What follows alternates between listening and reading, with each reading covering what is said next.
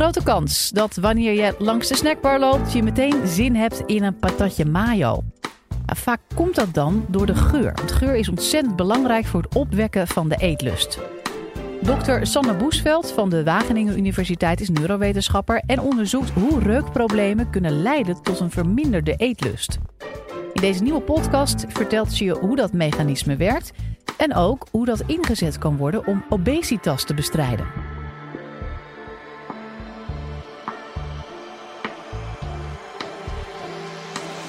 Live vanuit Club Air is dit de Universiteit van Nederland. Ik woon in Utrecht en ik loop dagelijks door Hoogkaterijnen. En zoals je misschien wel weet, barsten daar van de eetentjes. Fastfoods, snacks, koffietoko's enzovoort. Dus je wordt eigenlijk continu blootgesteld aan etalages vol met lekkere broodjes, patat, chocola.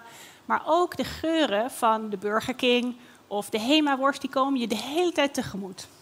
Ze worden eigenlijk continu blootgesteld aan verleidingen door middel van voedselprikkels in de omgeving.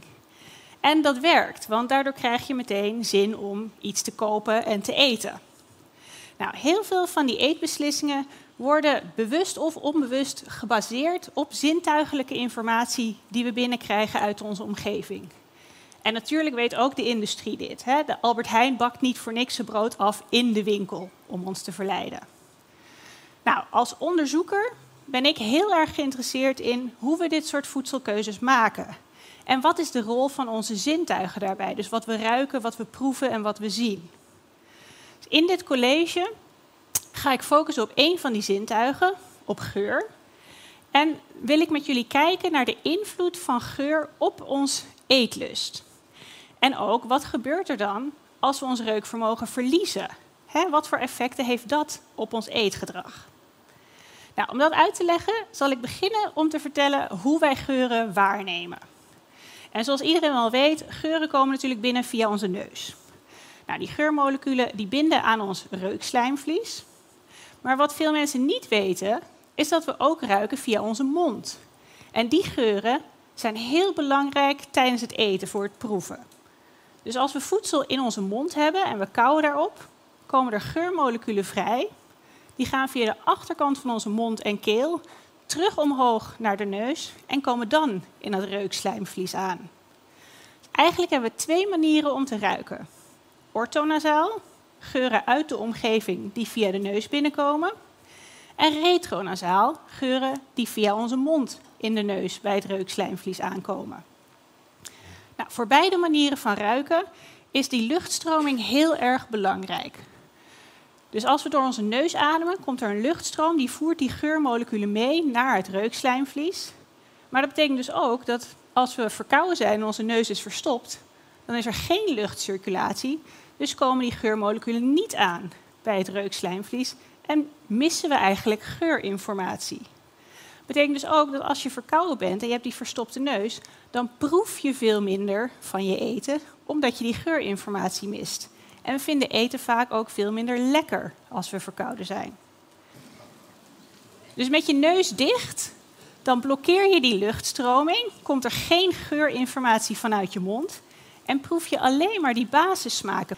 Terwijl als je je neus open doet, komt die geurinformatie erbij en proef je ineens, hé, hey, dat is framboos.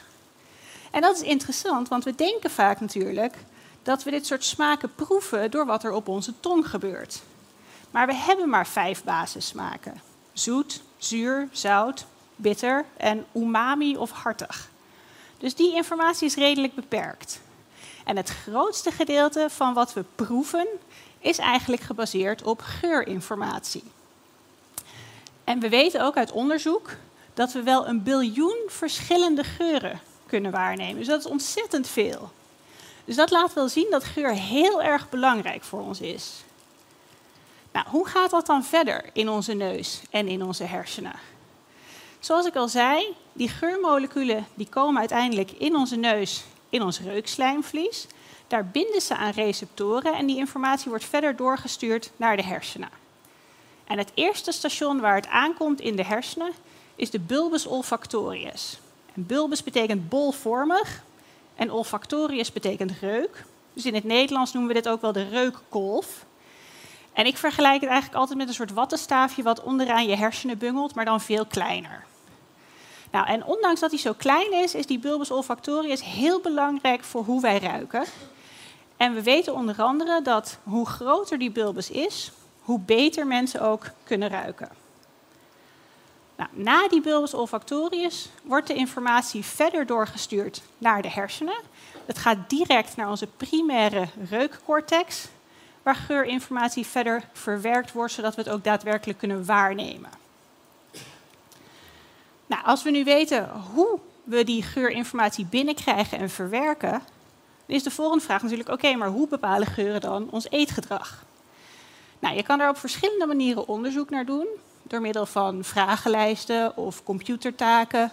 Of je kan meten of wegen hoeveel mensen eten van een bepaald product of van een buffet. Of je kan kijken naar hersenactiviteit. En ik wil graag een aantal onderzoeken die wij zelf hebben gedaan toelichten. Nou, voor het eerste onderzoek wat we hebben gedaan, hebben we proefpersonen uitgenodigd op de universiteit en hebben we ze in verschillende kamers neergezet waar we geuren hadden verspreid. En die geuren verspreiden we door middel van grote ventilatoren. En we gebruiken verschillende geuren dan. Zoete geuren, hartige geuren, geuren die helemaal niks met eten te maken hebben. En we hadden ook een kamer waar geen geur werd verspreid, als controleconditie.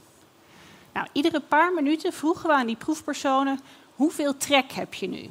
Dus hoeveel honger heb je? En dat vroegen we in het algemeen, maar ook voor bepaalde producten. Dus hoeveel trek heb je nu in een broodje kaas? Hoeveel trek heb je nu in een stukje chocola? En die producten, die matchen dan wel of niet met de geur die in de kamer hing. Nou, wat waren de resultaten? We zagen bijvoorbeeld dat als mensen werden blootgesteld aan tomatensoepgeur, dat ze vooral veel trek kregen in tomatensoep. En als ze werden blootgesteld aan bananengeur, kregen ze vooral veel trek in bananen. Maar wat we ook zagen, was dat blootstelling aan zo'n tomatensoepgeur ook leidt tot meer trek in andere hartige producten. Dus ook in meer trek in een broodje kaas of in champignonsoep. En als ze werden blootgesteld aan die bananengeur, kregen mensen ook meer trek in andere zoete producten. Dus in ander fruit, maar ook in gebak of chocola. Nou, we noemen dit sensorisch specifieke eetlust. En dat betekent dat je trek krijgt in datgene waaraan je wordt blootgesteld en in vergelijkbare producten, maar niet in producten die tegenovergesteld zijn. Nou, we hebben dit onderzoek herhaald en verrassend genoeg zagen we daarin ook dat dit effect ook werkt voor hoog- of laagcalorische producten en de bijbehorende geuren. Dus ook weer als je wordt blootgesteld aan calorierijke geuren, of geuren die wij associëren met calorierijke producten, gaat de trek in calorierijke producten omhoog. Dus als je chocola ruikt, krijg je ook trek in een broodje kroket of in chips. En andersom werkt dat ook. Want als je werd blootgesteld aan energiearme geuren, dus aan komkommers, dan kregen we meer trek in andere groentes en fruit. Dus ook in laagcalorische producten.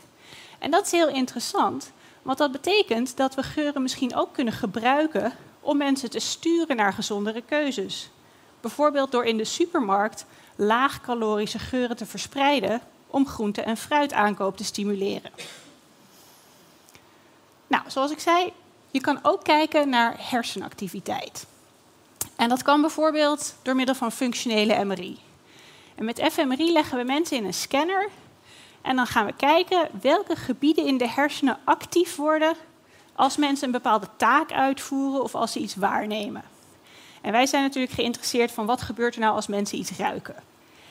En om geuren toe te dienen in de scanner maken we gebruik van een olfactometer.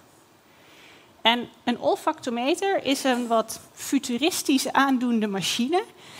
Uh, die bestaat uit een aantal verschillende cartridges waar je verschillende geuren in kan stoppen.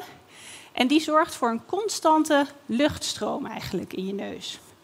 Nou, die olfactometer is door middel van een lange slang verbonden met de neus van de proefpersoon. En daar komt dus een constante luchtstroom doorheen waar af en toe een geurtje bij zit. En die constante luchtstroom is belangrijk, zodat we wennen aan het gevoel van lucht in onze neus. Want als we alleen maar af en toe een pufje geven, dan krijgen we misschien ook hersenactiviteit door het gevoel van de lucht in onze neus. Nou, je kan je wel voorstellen dat het misschien niet heel comfortabel is als proefpersoon om mee te doen aan zo'n onderzoek. Je moet in een scanner liggen, slang in je neus, lucht erbij enzovoort. Maar goed, we hebben deelnemers gevonden.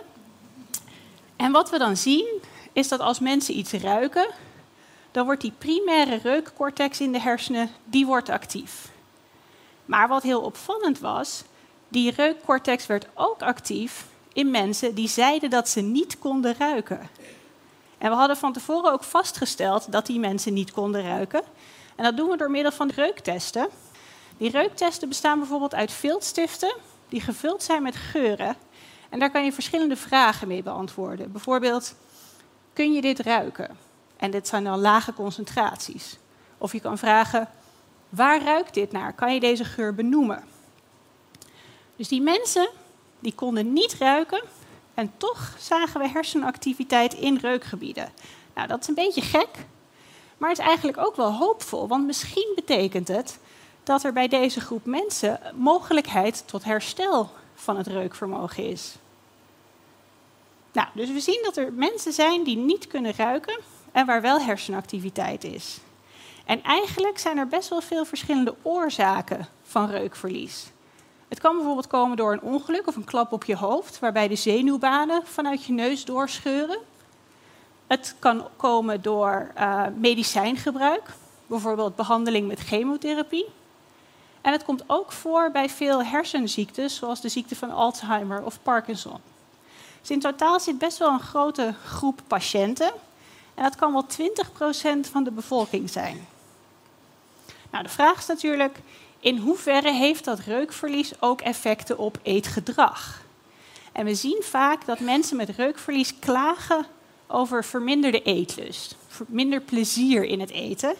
En dat is juist belangrijk bij dit soort kwetsbare groepen, bij dit soort patiënten, omdat goede voeding heel belangrijk is voor het herstel.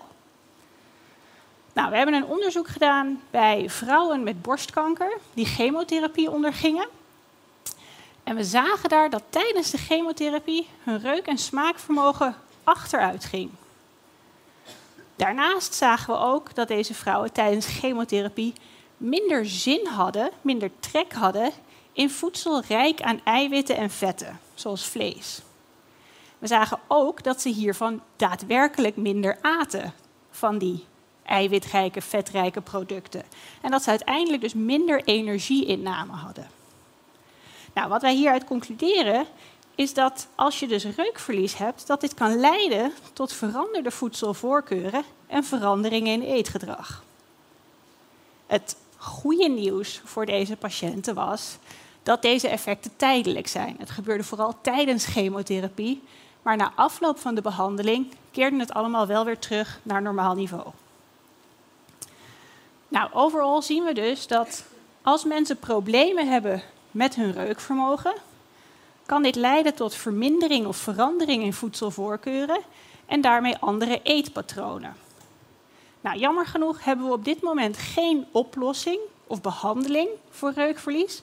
Er bestaat nog niet zoiets als een bril voor je neus. Maar wat we wel zien uit deze studies is dat geur dus heel erg belangrijk is voor het opwekken van eetlust. En die informatie kunnen we weer toepassen op verschillende soorten groepen mensen.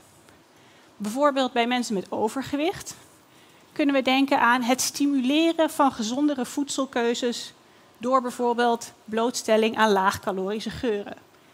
Maar ook andersom, hè, er zijn veel ouderen in verzorgingstehuizen waarbij ondervoeding een belangrijk probleem is. Met name eiwitondervoeding, wat ten koste gaat aan spierkracht en functionaliteit in het dagelijks leven. Dus misschien kunnen we geuren ook wel inzetten om daarbij bij die ouderen hun eetlust te stimuleren en specifiek te sturen richting eiwitrijke voeding door middel van blootstelling aan eiwitrijke geuren, hartige geuren zoals vleesgeur, bouillon, kaasgeur enzovoort. Nou, als ik dan weer terugkom naar de hoofdvraag van het college, waarom leidt een verstopte neus tot ander eetgedrag? Ik heb laten zien dat geuren in onze omgeving en ons reukvermogen heel belangrijk zijn voor het opwekken van eetlust. En dus ook dat als onze neus geblokkeerd is door een verkoudheid, of door bepaalde aandoeningen, dat dit effect kan hebben op je voedselkeuzes en op je plezier in eten, of je eten lekker vindt. Maar ik heb ook laten zien dat we geuren mogelijk kunnen inzetten om eetgedrag te sturen en daarmee mensen te helpen gezondere keuzes te maken. Dank jullie wel.